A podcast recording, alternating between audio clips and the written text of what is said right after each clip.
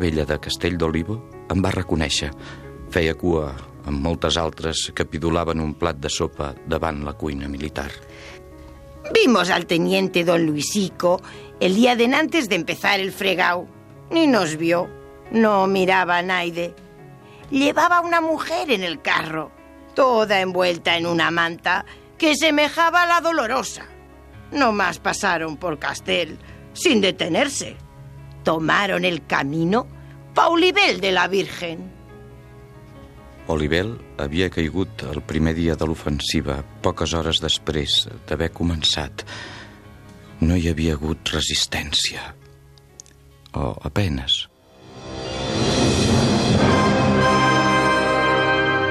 Catalunya Ràdio presenta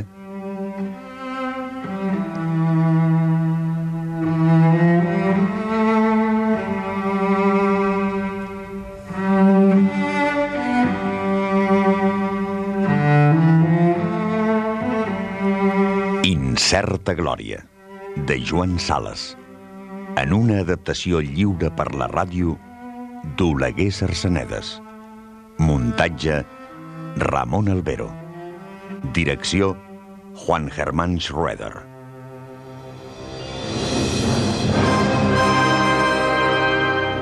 Incerta Glòria, de Joan Sales. Una producció de Catalunya Ràdio amb el suport del Departament de Cultura de la Generalitat de Catalunya. Extra, 15 artistes catalans al Palau Robert de Barcelona. Sergi Aguilar, Jordi Benito, Josep Manuel Broto, Tom Carr, Pep Duran Esteve, Gabriel, Francesc Llopis, Víctor Mira, Pere Noguera, Carles Pazos, Pere Jaume, Jaume Plensa, Riera i Aragó, Susanna Solano i Josep Uclés. Extra, 15 propostes artístiques d'intervenció en un espai. Palau Robert de Barcelona, del 22 d'abril al 24 de maig. Organitzat pel Departament de Cultura de la Generalitat de Catalunya amb el suport de Catalunya Ràdio. Catalunya. Endavant amb la cultura. Capítol 57. Fantasmes.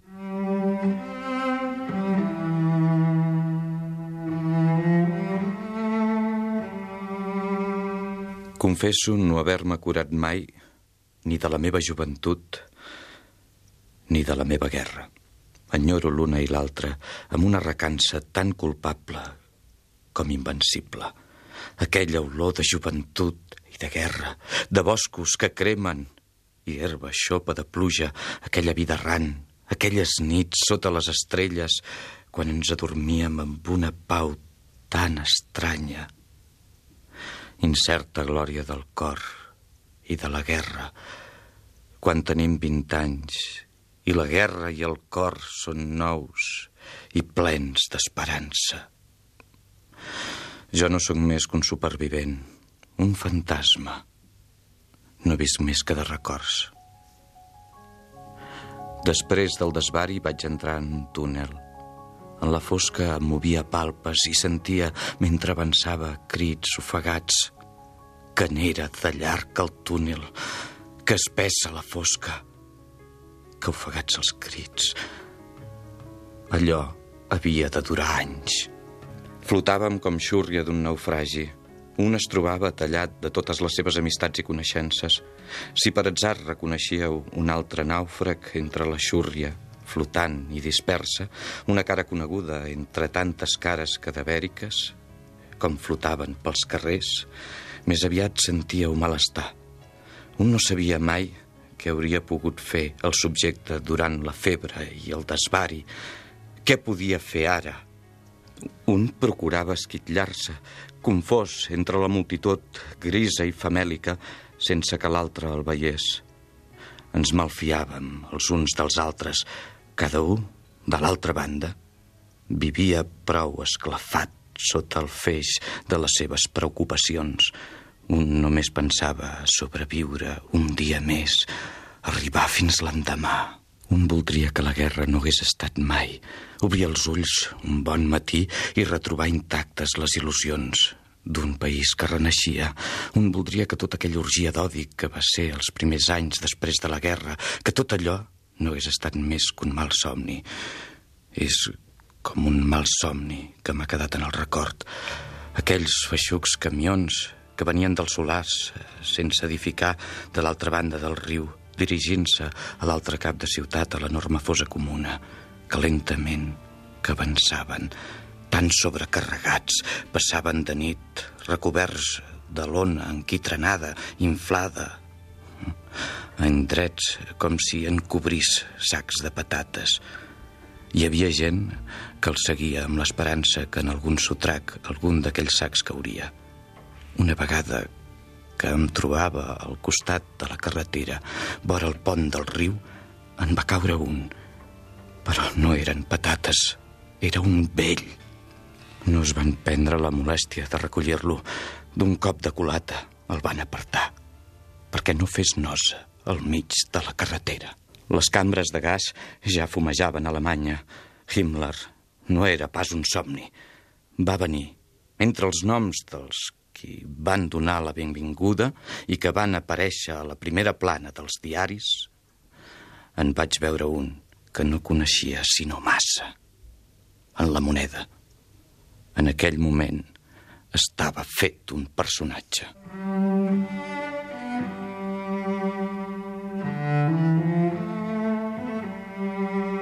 havia passat més que nou mesos al camp de concentració.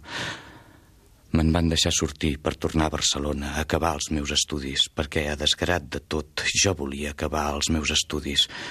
Volia ser sacerdot. Per què em mires així, amb la boca oberta? Jo estava com estabornit. La tieta Llúcia em parlava i em parlava i jo no arribava a comprendre què em deia. No hi podia més. El meu esperit flotava més lluny. Em sentia tallat de tot allò que havia estat la meva vida d'abans.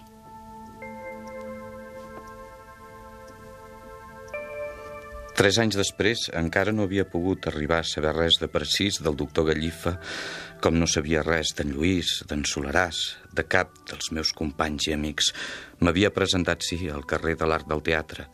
M'havia seguit les cases buscant-hi la viuda de l'anarquista.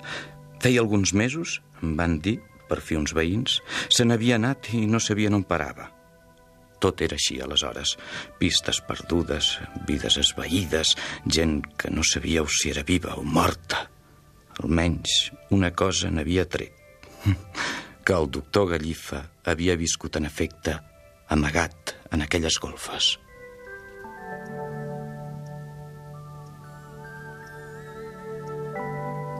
Pel que fa en Solaràs, l'únic que vaig arribar a descobrir és que la seva tia octogenària vivia a Grenoble. Sembla que els Solaràs eren originaris de Grenoble, cosa que ell no ens havia dit mai, i que hi tenien uns cosins llunyans. La tia, segons vaig saber, se n'hi havia anat a viure des dels principis de la guerra, detall que en Solaràs també ens havia amagat a tots. Les cartes que li havia escrit demanant-li notícies van quedar sense resposta a menys que no vulguem considerar com a tal una simple estampeta en color. Una estampeta de bota de les més vulgars que vaig rebre de Grenoble ficada dins un sobre sense nom de remitent ni cap indicació manuscrita fora de la meva adreça. La meva adreça, aleshores, tornava a ser la torre de la tieta, a Sarrià. Representava Santa Filomena. No va ser sinó cap als darrers dies d'un desembre plujós que per fi vaig tenir notícies més precises d'en Solaràs i del doctor Gallifa. Em van arribar de la manera més inesperada per aquell altre fantasma tan flotant, com jo mateix. Jo havia acabat feia poc els meus estudis i encara no tenia destinació. Esperant que me'n donessin, seguia vivint a Cala Tieta i em passejava per Barcelona on no tenia gairebé res a fer. Un matí em vaig asseure en un bar de la Ronda de Sant Pau. Vaig demanar un croissant i una tassa de malta. No hi havia aleshores, o eren raríssims i caríssims, ni cafè ni llet. No hi havia tampoc pa, però de croissants, tants com en volíeu, si teníeu amb què pagar-los. Per poder sucar en pau el meu croissant, m'ho havia fet servir en la penombra del fons de tot l'establiment. Això a causa de la meva sotana, perquè aleshores era encara molt mal vist un capellà en un cafè i jo no podia pas explicar als passants que acabava de renyir amb la meva tia i que mentre esperava trobar una dispesa convenient i tot conservant la meva habitació a la torre de Sarrià per anar-hi a dormir, feia vida de bohèmia a base de croissants sucats amb malta. M'estava, doncs, al fons de l'establiment i a l'altre cap veia la peixera, vull dir aquell empostissat amb vidrieres que alguns bars munten a l'hivern sobre la vorera. Era allà que s'estava l'altre fantasma, assegut en una tauleta de marbre i sucant un croissant en una tassa de malta, ni més ni menys que jo. Mirava a través de la vidriera aquella ronda que, desgrat de tot, era encara trepidant i virulada aquells estranys tramvies retirats com a inservibles molts anys endarrere que havia calgut tornar a posar en circulació. Passaven i repassaven com formidables dinosauris antidiluvians amb un terrabastall de ferramenta desconjuntada i gairebé desapareixien sota la seva càrrega de passatgers que s'hi arrapaven desesperadament alguns rars automòbils, bastos i negres, amb aquell gep monstruós del gasogen, plantat feixugament a l'esquena, passaven també, de tant en tant, i a les voreres la multitud espessa caminava sense fi, i tot plegat es prestava més aviat a la melancolia. D'altra banda, aquell matí era fred i brut. Els anuncis lluminosos apagats en aquella hora tenien l'aire malsà de qui es desperta d'una orgia nocturna. Rex y Mura, no más calvos. Rex y Mura, fuera el bello superfluo. Barcelona de noche. I quants d'altres, tots idiotes i tristos en el seu laconisme. Però, malgrat tot, les voreres eren plenes de gent i aquella gent, per bé que mal vestida i amb cara de gana, era la vida. El meu fantasma es mirava aquell riu a través del vidre de la peixera. Es tractava d'un home que semblava haver passat la cinquantena. Jo només el veia de viaix, de lluny i a contrallum, de manera que no arribava a distingir la seva fesomia. Feia vagament la impressió d'un nàufrag que des de l'escull on havia naufragat es mirés la desesperant immensitat de l'oceà. Entre la vida i ell no hi havia més que la vidriera, però s'estava allà com si la vidriera l'hagués separat de tot el món exterior per sempre més.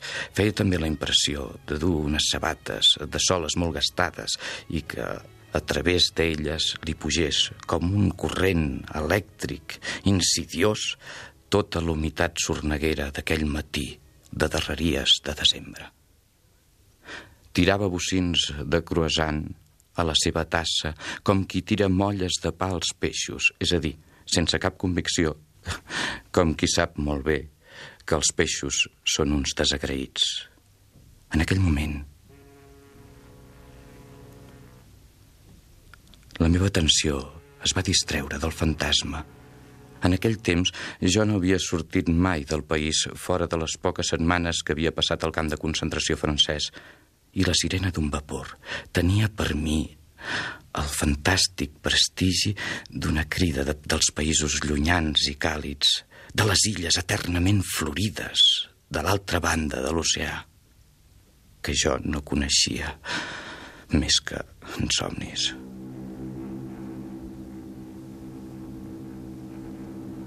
Vaig observar-lo de nou. Imagineu la meva sorpresa. El fantasma avançava cap a mi amb la tassa i el croissant. Era en la moneda.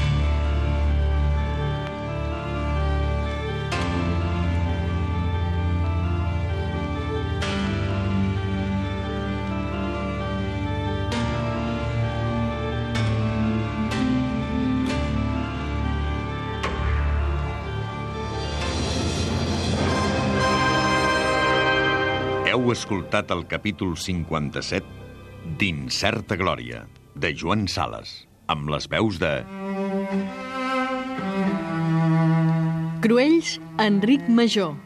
Tia Júlia, Anna Frigola.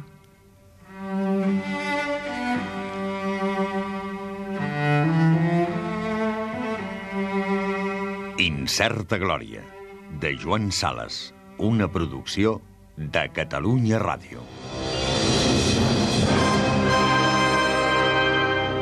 El suport del Departament de Cultura de la Generalitat de Catalunya. Extra, 15 artistes catalans al Palau Robert de Barcelona. Sergi Aguilar, Jordi Benito, Josep Manuel Broto, Tom Carr, Pep Duran Esteve, Gabriel, Francesc Llopis, Víctor Mira, Pere Noguera, Carles Pazos, Pere Jaume, Jaume Plensa, Riera i Aragó, Susanna Solano i Josep Uclés. Extra, 15 propostes artístiques d'intervenció en un espai. Palau Robert de Barcelona, del 22 d'abril al 24 de maig. Organitzat pel Departament de Cultura de la Generalitat de Catalunya amb el suport de Catalunya Ràdio. Catalunya. Endavant amb la cultura.